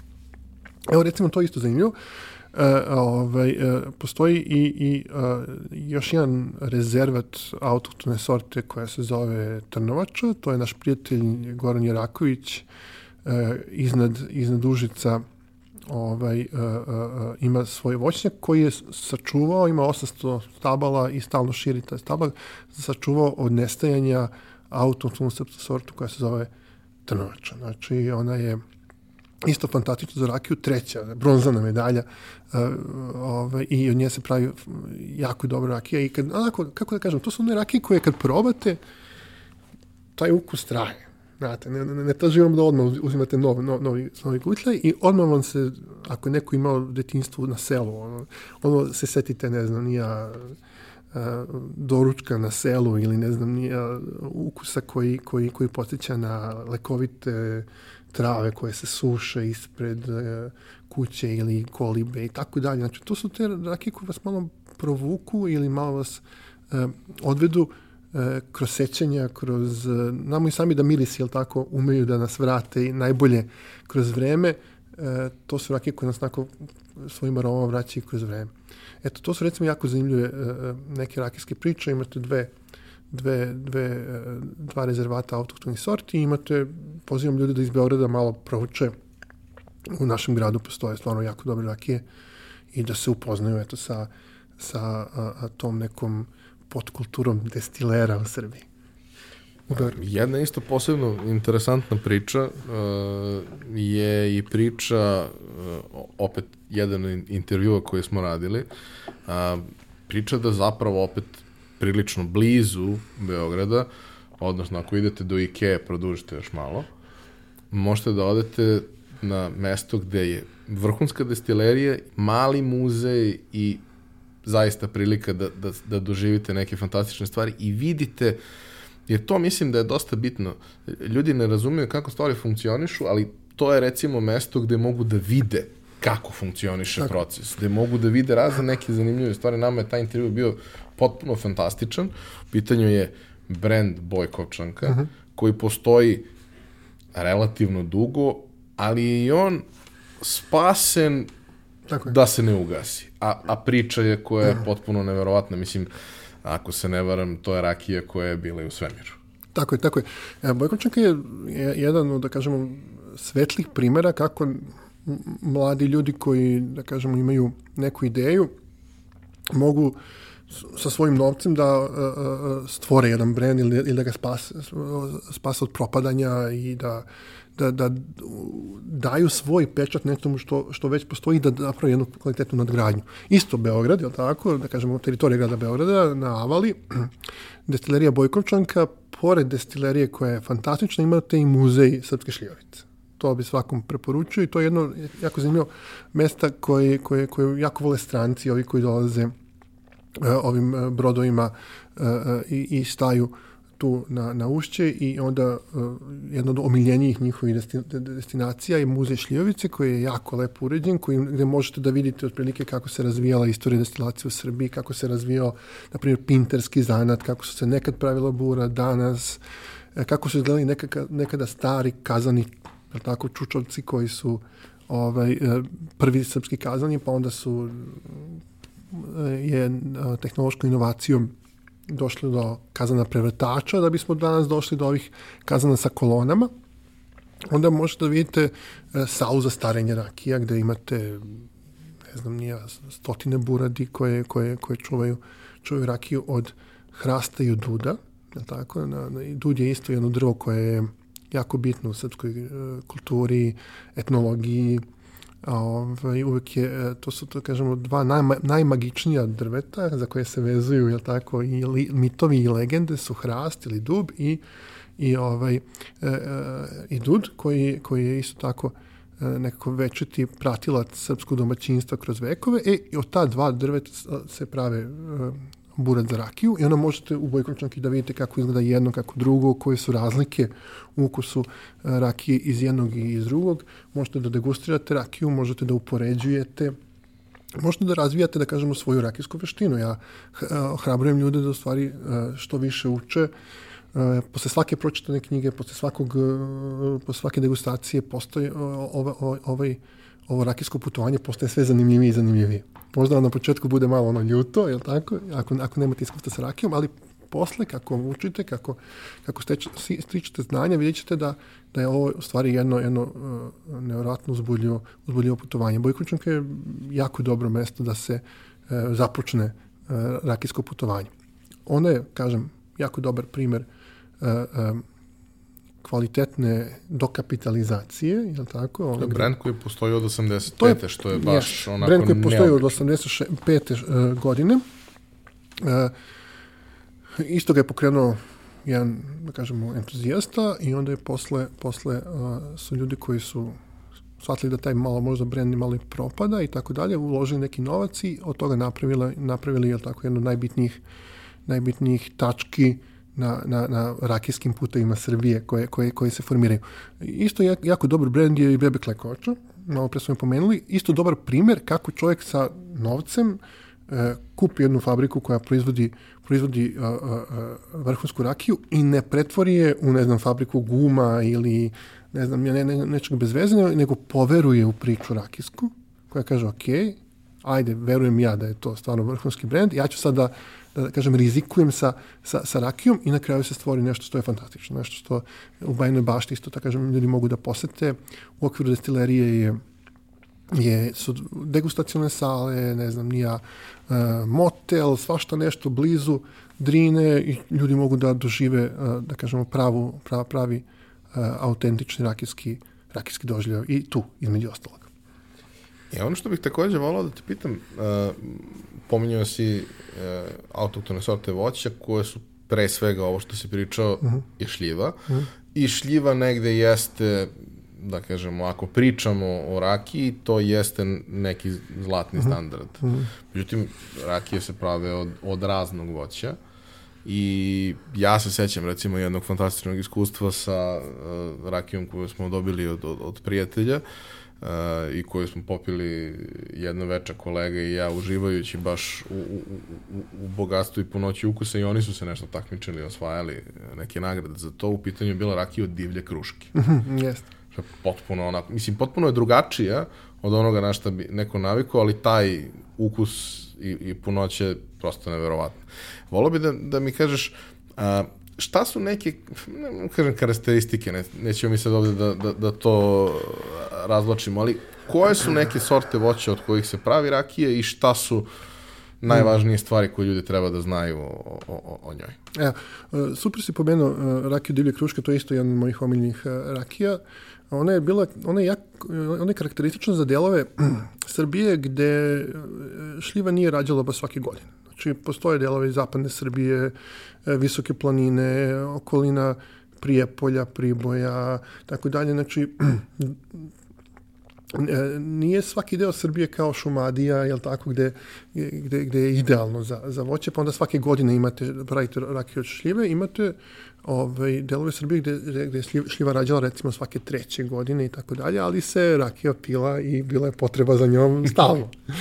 I onda su, onda su ljudi pravili od, od, od, od voća koje je rađalo uvek, a to su divlje kruške. Obično su to, jel tako, čobani skupljali na jesen i onda od toga, jel tako, po planinama i, i to, to prodavali posle ili pekli rakiju i to je fantastična rakija koja, koja onako svakom preporučujem. E, moja omiljena rakija je Deslerije Tomašević, braća Tomašević, to isto ima u Beogradu, je tako? Znači, e, postoji njihov rakija bar, odete tamo, sednete, probate, razmislite, ne znam, ako imate neki utisak, napišete ga e, i tako dalje. Znači, ljudi, ljudi opet kažemo da ohrabrujem da, da putuju kroz te ukuse i arome. Divlja kruška. Jako dobra i, i meni omiljena stvar, isto, da kažem, draga stvar su rakije od dunje, kad je prava dunja, iz burata. E, to je isto specialitet. I on mora, recimo, da uh, bude jako skup. Znači, ja ljudi, ovaj, isto jedan, jedan od bitnih stvari, nemojte kupovati jeftine rakije ne postoji šansa da vam neko proda rakiju za 400 dinara, za 500 dinara, da sipa vodu u njoj, u nju, ona mora da bude makar 550 dinara. Kad se sve plate porezi, ne znam, i akcize, brendiranje, punjenje i tako dalje. Znači, to je nešto što mi ne možemo da shvatimo i, veliki problem na putu brendiranja srpske rakije, to je što su ljudi nekako navikli da kupuju jeftine destilate ili ne znam, uvijek ima neko nekog dedu i tako dalje i tako dalje. I meni se čini da, da ovaj, vratit ćemo se na voće samo još jedna stvar, dok država ne bude malo poradila na tome da ne može baš svako da peče rakiju, u svom, jel tako, svojoj garaži ili ne znam, nija bilo gde i da je prodaje, onda ćemo doći do toga da shvatimo da rakija ne može da bude jeftina. Evo, na primjer, rakija od dunje, svi znamo da je dunja voće koje nema puno slasti u sebi, nema puno soka, jel tako, zamislite kad se, kad se zagrize dunja, jel tako, to nije baš da pršti na sve strane, nego to je malo suvo voće. U, njega, u nje se dobija jako malo rakije, jer, onda ovaj, ta kad se stavi u bure i kad bure popije svoj deo ili kad anđeli uzmu svoj deo, angel share se to zove, jel tako, u single malt industriji, kod nas bure recimo pije otprilike 7% rakije godišnje i onda vidite da posle, na primjer, godinu i po dana je dosta toga i se je tako nestalo i isparilo i tako dalje. Još kad vam neko to sipa i brendira, ide vi očekujete, to, to mora da bude skupo. Za svaku vrstu tog kvalitetnog uživanja, za svaku vrstu redkosti, ljudi jednostavno moraju da plate. To je problem sa, sa, sa srpskom rakijom. E, žuta dunja iz bureta, kad je kvalitetna, to je isto jedan od vrhunskih. Dosta su popularne rakije od kruške i od kajsije, Kajsija, da kažemo, među ženama jako popularna rakija, to je jedan pokušaj da se dođe do neke feminizacije rakije. Obično se za rakiju onako kaže da je muško piće ili žene onako znate, ono, veliki procent alkohola i tako dalje, ali kajsija je nešto što je stvarno fantastično. Taj, to su rakije koje se piju bele i mogu malo da se ohlade, Znači šljiva stara se ne hladi, dunja stara se ne hladi, to nije, je tako, to, to su rakije koje se piju na sobnoj temperaturi ili podrumskoj temperaturi, da bi mogli da, da, da, da, da puste svoje arome i da, i da, i da uživamo, ali uh, bela kajsija i bela kruška može da se ovaj, malo ohladi i onda to bude stvarno uh, isto, isto jedan vrh, vrhunski proizvod. Dosta se proizvode E, rakije i od e, trešanja, o, i od višanja, recimo, to je isto jedna, jedna, jedna zanimljivost, destilat od višnje. E, otprilike to su neke rakije koje su najčešće na, najčešće na našem tržištu i koje daju najbolje, najbolje kvalitete. Naravno, kad su u pitanju e, destileri hobisti, Oni vole da pravi od svega i svačega, pa sam ja pio i od pomoranđe, i od limuna, i od kupusa, i, i od svega i svačega, ali to je nešto što mi, ja i Zona zovemo nepotrebne rakije. Znači, jednostavno, uh, ono što nije tradicionalno voće, nema potrebe to da se, da se pije, jednostavno, niti postoji nekakav, nekakav, nekako aromatsko uživanje, niti su, samo su izazovne, ništa više, ali to iskustvo možete i bez njega. Gdje si pomenuo jabu? E, da, jabuka je, jeste, e, nije toliko omiljena u Srbiji, moramo da priznamo, to je najpocenjenija dobra rakija u, na, na našem tržištu. Kad god kažete jabuka, ona svi, ali jabuka koja je iz hrastovog bureta, to isto svakom preporučujem da nađe negde ne, neke stare jabuke, imaju recenzije starih jabuka i kod nas na blogu, e, onda dobijate vrhunsko iskustvo. Inače, jabuka je, kao što znamo, uh, njenu svetsku slavu je doneo Calvados, francuska, uh, francusko piće. Sve više i više naših destilera pravi jabukovaču na, na tom nekoj kal, kal, Calvados principu. Znači prvo se napravi sok od jabuke, iscedi se jabuka i napravi se sok i onda se taj sok fermentiše i onda se uh, uh, peče, peče jabuka, stavi se par godina u bure i onda se dobije jedno vrhunsko piće koje, koje jako malo ljudi poznaje. E, generalno, kada govorimo o poznavanju rakije, jako je bitno, znači nije, nije dovoljno da vam je deda pekao rakiju da, da, da, da, da za sebe kažete da ste poznavalac rakije. Nije dovoljno ako ste probali deset različitih rakija da, za, da za sebe kažete da ste poznavalac rakije. E, mene priča o rakiji u Srbiji jako podsjeća na e, deset knjiga koje ljudi najčešće lažu da su čitali, a nisu. Na, na, na samom vrhu je uh, Rat i mir, pa je onda Orwellova 1984. pa ne znam, nija Uh, uh, ima tih knjiga koje ljudi jednostavno blam ih je da kažu da nisu čitali, a nisu. Ili znaju samo neke osnovne poente. E to je... To je Oni su u najboljem slučaju pogledali film. I najboljem slučaju su pogledali film. E to je, to je problem sa srpskom rakijom. Znači, ono, kad kažete rakija ili ne znam da poznajete rakiju ili da se njome uh, bavite, svi su stručnjaci odjednom. Ali kad malo zagrebete, shvatite da jednostavno ljudi nemaju iskustva i niti su nekad se ozbiljno pozabavili onim što je ispred njih. E, e, tako je i, i, i sa, sa rakijom u glavu. Mi smo ljudi koji smo stvarno čitali te knjige koje, koje kažemo.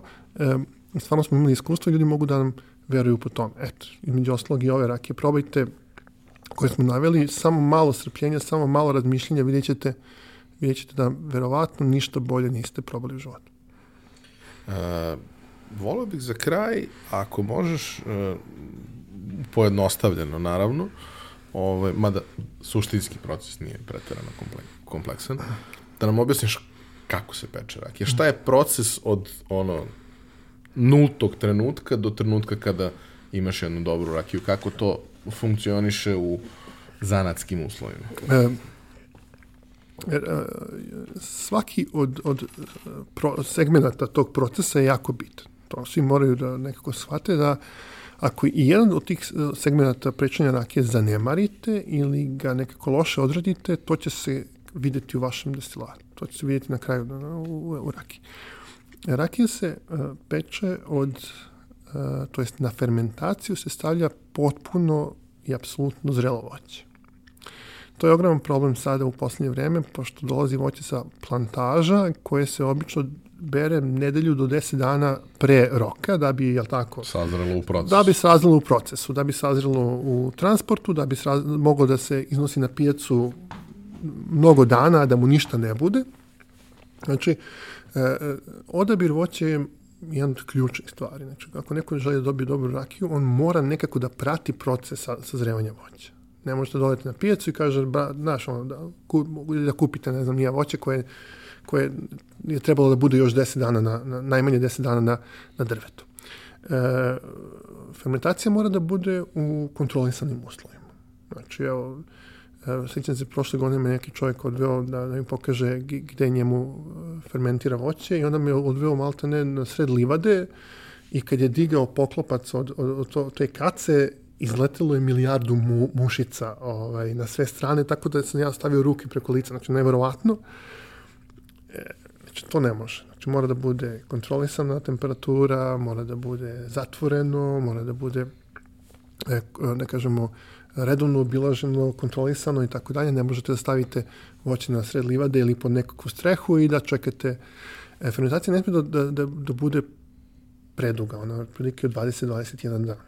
I onda kreće pe, pečenje često ljudi kod nas, to je, da kažemo, te, te, te ostaci loše tradicije, da, ne znam, stave, recimo, požegaču čak na, na fermentaciju, ona dolazi tamo kasnije, tako u septembru, stave je i onda ne stignu zbog poljskih radova da, da ispeku i kažu, ja ću to na proleće i tako dalje. E, to je, recimo, jedan najčešći grešak. Znači, onda 20, 21, 2 dana, to je kraj, e, kreće se sa pečenjem. Prvo se peče, e, dobija meka rakija, E, I onda se pravi e, dakle, redestilacija, to jest, tako, dobija se prepečenica. Nekada se u Srbiji šljivovicom zvala meka rakija. Znači, oni, kada biste, recimo sad, e, da se probudite 1910. godine i da odete u kafanu i tražite šljivovicu, dobili biste rakiju koja, je, koja ima snagu otprilike 25 stepeni alkohola. Znači, ona meka rakija, to je bila šljivica, a ovo se zvala ljuta ili ti prepečenica, to je ova koja se dobila redestilaciju. Prilikom redestilacije morate da odvojate prvenac koji je jedan procenat od kazana. Znači mora, to, to, to je e, da kažem, najgore arome, metanol, svašta nešto ima u tom prvencu što vam ne treba u rakiji. Znači to uzmete i bacite. Najbolje. Negde ne bacite baš u prirodu, nego nekako sigurno to bacite. To vam ne treba ništa, nikad. E, hvatate prilikom destilacije srce rakije i e, prilike pečete dok ne krene takozvana patoka ili patočna ulja, to je dok ne krene onaj miris koji već smeta e, i koji prilike počinje negde tamo oko 65% alkohola, dotle je srce rakije, ko nekih rakija u nekim godinama može i do 60, ali to je već, da kažemo, najniža granica. E, I onda se rakija stavlja u ovinjeno bure, koje, jel tako, pre toga je u njemu stajala nekoliko meseci meka rakija, onda se bure dobro ispralo, spremilo se za, za, za starenje. Često ljudi koji nemaju iskustva stave jel tako, jak destilat u novo bure i onda kaže rakija mi je pocrnila posle 3-4 meseca. Naravno da je pocrnila kad bure nije ovinjeno, nije spremno za, da u njemu stari rakija, nego je, jel tako, alkohol izvukao sve te tanine i primese i dobili ste crnu boju i rakiju koja nije za piće. E, prvo se rakija stari u novom, novijem buretu i onda da bi sta, stajala duže stavlja se u neku isluženo staro bure hrastovo i mora da bude rakijsko bure. To je isto jedan od problema. E, vinska industrija je mnogo snažnija, sa mnogo više novca nego rakijska i onda je počela da diktira svoje kriterijume za mnoge stvari, među ostalog za prezentaciju, kako treba da izgleda festival rakijski, kako treba da se pre prezentuje rakija, a kako treba da izgleda bure. Vinsko bure je mnogo tanje, to je rakijsko bure sa mnogo debljim dugama, mnogo veće litraže, e, proces pripreme drveta je drugačiji nego za vinsko bure, i kad neko, ako se neko odluči da ili tako proizvodi svoju rakiju, mora da ode kod pintera i da mu kaže da mu treba bure za rakiju. Da bi on shvatio da je tako da, da, da nije naivan i da mu se neće podmetnuti neko bure koji će posle dve, tri godine već biti neupotrebljivo. Kada ubacimo u, u isluženo staro bure od 500 litara sa dugom recimo 6 cm debelom, e onda to rakija može dugo da stoji. Ona može godinama da stoji i e, bitno je da se svaki 3-4 meseca proba. Ja tako, da, da vidite ovaj, šta, šta, će, šta će da bude. To probanje je najteži deo, jer ponekad ume da vas zavara, čini vam se da je previše tanjina u njoj, u stvari treba je ostaviti još duže da stoji, jer će taj, da kažemo, taj miris bureta polako da lapi, a da dolazi miris, ne znam, ja, e, kvalitetnih elemenata koji nas posjećaju na stvari iz prirode pa onda dobijate u staroj srpskoj šljivovici arome na suvu šljivu, na lekovite trave, na vanilu, karamelu, kokos i tako dalje. Znači, e, ima svega i svačega u tom u toj e, čaši šljivovice, ali pre svega mora ona kvalitetno da stari u kvalitetnim sudovima pod budnim okom e, destilera koji, tako kažem, ima neko iskustvo u, u degustaciji. Ono što bih ja još preporučio ljudima koji prave rakiju da probaju razne rakije. Jedan od problema ovaj, u srpskoj rakijskoj sceni je što, znate ono, ja proizvodim moju i pijem samo moju i mog kuma. I to je to. A ne shvata da postoji jedna široka lepeza uh, ukusa, mirisa i aroma koje je on nekako propustio, a da stekne iskustvo pijući samo svoju rakiju, to je nemoguće, je tako? I onda uh, mi u stvari hrabrimo ljude da razmenjuju rakije, probaju, piju, e, da kažemo, stiču iskustvo, da se razočaravaju, da se oduševljavaju i tako dalje. I onda kroz neko vreme steknete nekakvo, nekakvo iskustvo gde možete da ocenite da li je vaša rakija vrhunska, dobra, da li je vreme da se stavlja u boce, da li je vreme da se iznosi na tržište ili već šta ćete s njom, ili treba još da stoji. Ja, negde ta saradnja veoma važna je tržište potencijal tržišta je veliki, ono trenutno samo po sebi nije pretarano veliko, ali ima mesta za sve.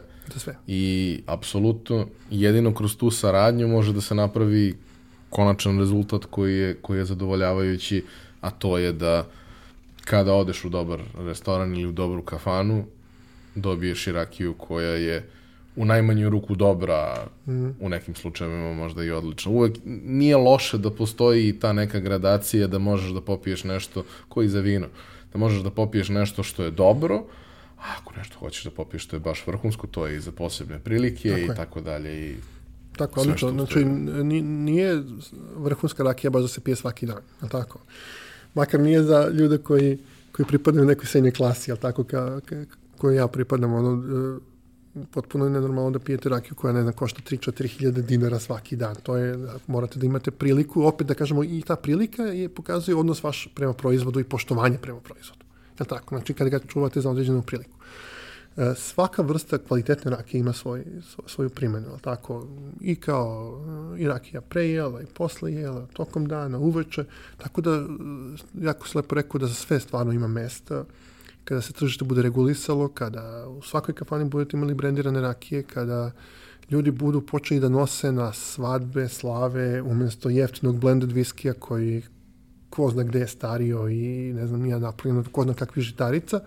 Kad budete poneli rakiju, eto, ovo, malo pre smo pominjali, nismo se ušučali da pominjamo brendove, kupite konkretan brend, konkretnu porodicu, mali podrum i kada čovjek kome to odnesete počne da ceni to što ste mu doneli, onda ćemo imati ovaj, potpuno drugačiju sliku kada je u pitanju kada je u pitanju rakije, imat ćemo začetak nečega što će, ja sam siguran, u budućnosti biti jedna ozbiljna industrija, jedan ozbiljan izvoz, jedno ozbilj, jedan ozbiljan ambasador naše kulture i tradicije. Jednostavno moramo malo da, da, da poradimo na tome. Evo, malo pre smo pominjali državu, pa nekoliko zanimljivosti. E, ni u jednoj ambasadi u Srbiji se ne, ne, ne, ne toči srpska rakija. Kada pogledate cifre koje je naše ministarstvo inostranih posla potrošilo za viski, konjak, vodku i tekilu, vi se naježete. Ako sa tog jednog najvećeg mesta nemamo svest da pre svega novac treba da se potroši na razne vrste rakije od voća koje proizvodimo u Srbiji, od jel tako, Subotice, Vojvodine prema, prema jugu, treba da, da, da, da, da, to nekako treba da bude pre svega kao neki simbol, kao, jel tako, simbolično ohrabrenje, da, da, da država, jel tako, stoji iza svojih proizvođača, iza, iza svog proizvoda. Ono što znam da jeste negde bilo prisutno, to je da je u onim raznim diplomatskim poklonima vrlo često bila prisutna da, neka da, bila, vrhunska bila, rakija. Bila, bila. I to jeste jedan korak, mm. ali da, ovo je drugi korak koji kaže umesto da se opredelite za velike proizvođače i korporacije i sve ostalo, proberite ono najbolje što postoji lokalno. M će tim ljudima značiti, M će značiti na brandiranju i cele zemlje i cele industrije. Tako i ohrabio bi konobare da, jel tako se, malo pre smo pričali, oni dobijaju te neke treninge od velike korporacija, jel tako, koje, koje, im ohra, koje ih ohrabruju i treniraju da nude poznata multinacionalna pića, jel tako, iz multinacionalnih kompanija i tako dalje, koje, koje ali pohrabrujem da budu hrabri, to jest govorim da budu hrabri, da rizikuju malo srpskom rakijom, da nekog šokiraju, da nekog iznenade, da, da, da, da nekog malo isprovociraju i tako dalje. To je onda to, da kažemo, gostiteljstvo koje je uzbudljivo i zanimljivo. A srpska rakija je idealna za to.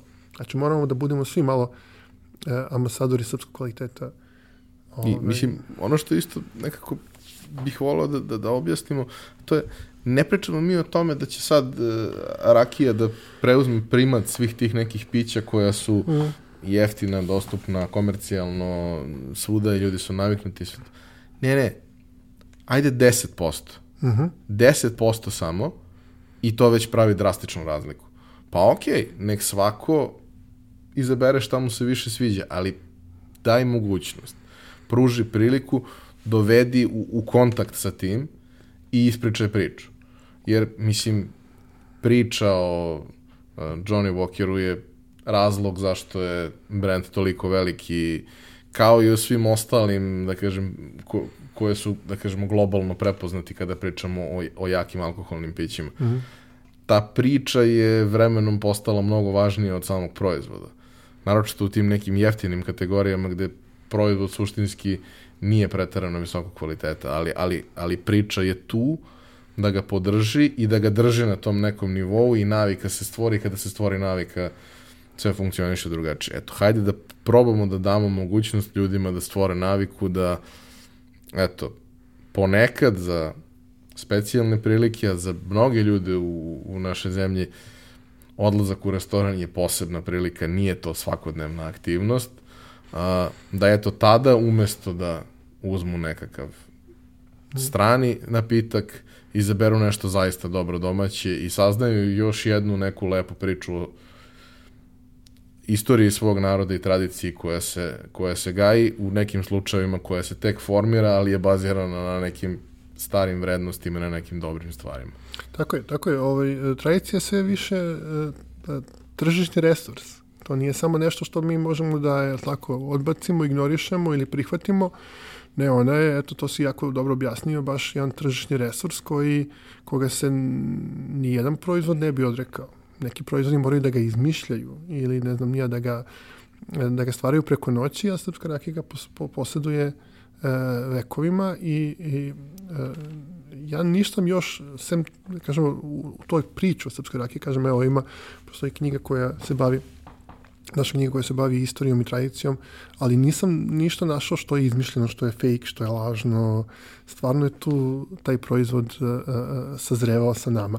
Tako da, uh, ovaj, stvarno, uh, ima dosta dosta zanimljivosti uh, vezano za srpsku rakiju, ali uh, ako je budemo ignorisali ili ako budemo generalno tradiciju ignorisali, tradicija, srpska tradicija nema nikoga sem nas. Ona niko neće onako a, sem nas, ili tako, i, negovati, negovati i, i a, postaviti na mesto na koje, tra, na koje, na koje ovaj, zaslužuje. A, a ja i Zoran često umemo da, da ovaj, se šalimo da će srpsku rakiju da a, Srbi prepoznaju tek kad počnu da je piju konceptualni umetnici iz San Francisco. Ili kad dođu Nemci i krenu da je prodaju pod srpskim brendom, znači, kao što je bilo za gomilu drugih proizvoda koje su na kraju tako je. druge nacionalnosti ili ispromovisali. Tako je, znači, dok god e, ne bude neko drugi rekao ljudi, ovo vam je prva liga, teško će, teško će većina stanovništva tako prepoznati koji kvalitet nosi ono pored čega prolaze svaki dan. E, evo jedan zanimljiv projekat u kome smo učestvovali, kojim se onako koji dosta često pominjamo zato što je zanimljiv i zato što smo dosta onako uložili u njega, to je projekat Američka rakija jebiga koju je uh, flaširao Bill Good, uh, basista grupe Faith No More, uh, a koji je došao, jedan, jedan, na, rakija je nastala tako što je Bill Good došao na naš Beogradski rakijski klub i mi smo ono kao prepoznali čovjeka kao, wow, kao ali dobro, kao, okay, pričamo profesionalci, guramo dalje, degustacija traje, onda smo, onda, onda smo s njim posle sastanka Beogradskog kluba popričali i on je rekao, je, momci, da li želite da mi pomognete, želim da napravim brand uh, srpske rakije, to jest želim da napravim američki brand sa srpskom rakijom unutra. I na, naravno da smo tako uh, to prihvatili i, i, i pomogli mu i da kažemo uh, zajedno s njim napravili tu, tu, tu priču. E, kad je ta priča izašla i kad se počelo da se vrti po novinama, ljudi su masovno počeli da nas zovu, da posećuju naš blog. E, tek kad je Amerikanac rekao, ovo je nešto fantastično. Amerikanac rekao, vi ne znate šta imate. vi ne znate šta imate, ovo je fantastično, ovi momci su vrh, oni... E, onda odjednom su ljudi počeli, ne znam, baš je bilo onako imalo ne, nevrovatno da, da, da, da, da po ceo dan traže nešto od nas, a, a, zato što, je tako, neko ko je poznata zvezda, uh, jedan od najvećih rock muzičara na planeti, rekao da je srpska rakija vrh, ne samo što je rekao da je vrh, nego je počeo da proizvodi svoj sobstveni brend. Evo recimo, to je, to je priča o rakiji jebiga koji se, koji se razvija jako dobro, uh, jako zanimljiv marketing, vidio si ona etiketa sa umrlicom, Uh, i, i onda smo ja i, ja i uh, Zoran preporučili destileriju Tok uh, Ivanu Roševića, vrhunskog eh, tehnologa i, i poznalaca rakije. On je ovaj, rekao u redu, super, meni to zvuči jako zanimljivo, proizvodit ću rakiju za, za, za, za taj brend, a e, njegov otac je poznati isto tehnolog i dir, direktor ovaj, Prokupca Ljubo Urošević, koji je onako najveće ime u, u srpskoj, među, među srpskim rakijašima. E, ali je rekao, Ivan kaže, ali ne znam kako hoću da kažem kako će se rakija zvati. Kaže, kako da kažem, proizvodimo rakiju koja će se zvati jebiga.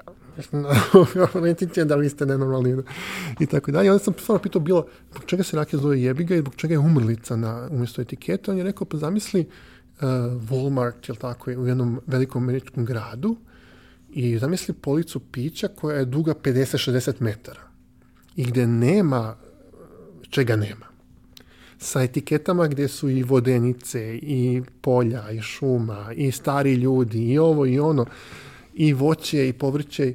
Ti moraš da imaš neku etiketu koja će šokirati i čovjeka koji tu prolazi pored toga, onako gdje ćemo skrenuti pažnju i gdje će reći, čekaj bre, šta je bre ovo? Ajde da probamo ovo, ovo ludilo. Da, i onda ljudi pogledaju to, znači, ovaj, e, etiketa je umrlica na kojoj neka baba, onako tu gde, je mesto za sliku pokojnika, pije rakiju. A baba ima 100 godina. Ovaj, I, i ovako malo provokativno, rokerski, zanimljivo i vidim da se ljudi dosta fino identifikovali sa tim proizvodom i da, da se jako lepo prode po Americi i da ljudi onako jako dobro reaguju i da je, eto, to je jedna mala pobjeda, da kažemo, srpske kulture i, i da kažemo, eto, brendiranja ili rebrendiranja srpske države. Hvala ti puno na svim pričama koje si podelio. Mislim da je vrlo važno da ih ljudi čuju, pa sad koliko njih će na to odreagovati nije važno, ali kontinuiranim radom doći ćemo do toga da određeni deo ljudi odreaguje i napravi nekakvu akciju kakvu želimo. hvala ti još Sigur jednom. Hvala vama što ste nas slušali i gledali. Hvala Epsonu što nas podržava. Ja vas volim kao i do sad da sve svoje komentare, predloge, ideje ostavite na za to predviđenim mestima na društvenim mrežama, da komentarišete na YouTube-u, da se subscribe-ujete na naš kanal, pošto su mi rekli da je bitno da to kažem, mene to malo užasava, ali okej. Okay. I to bi bilo to. Ovaj, lepo smo se ispričali, nadam se da vam je bilo zanimljivo. Vidimo se i čujemo sledeće nedelje.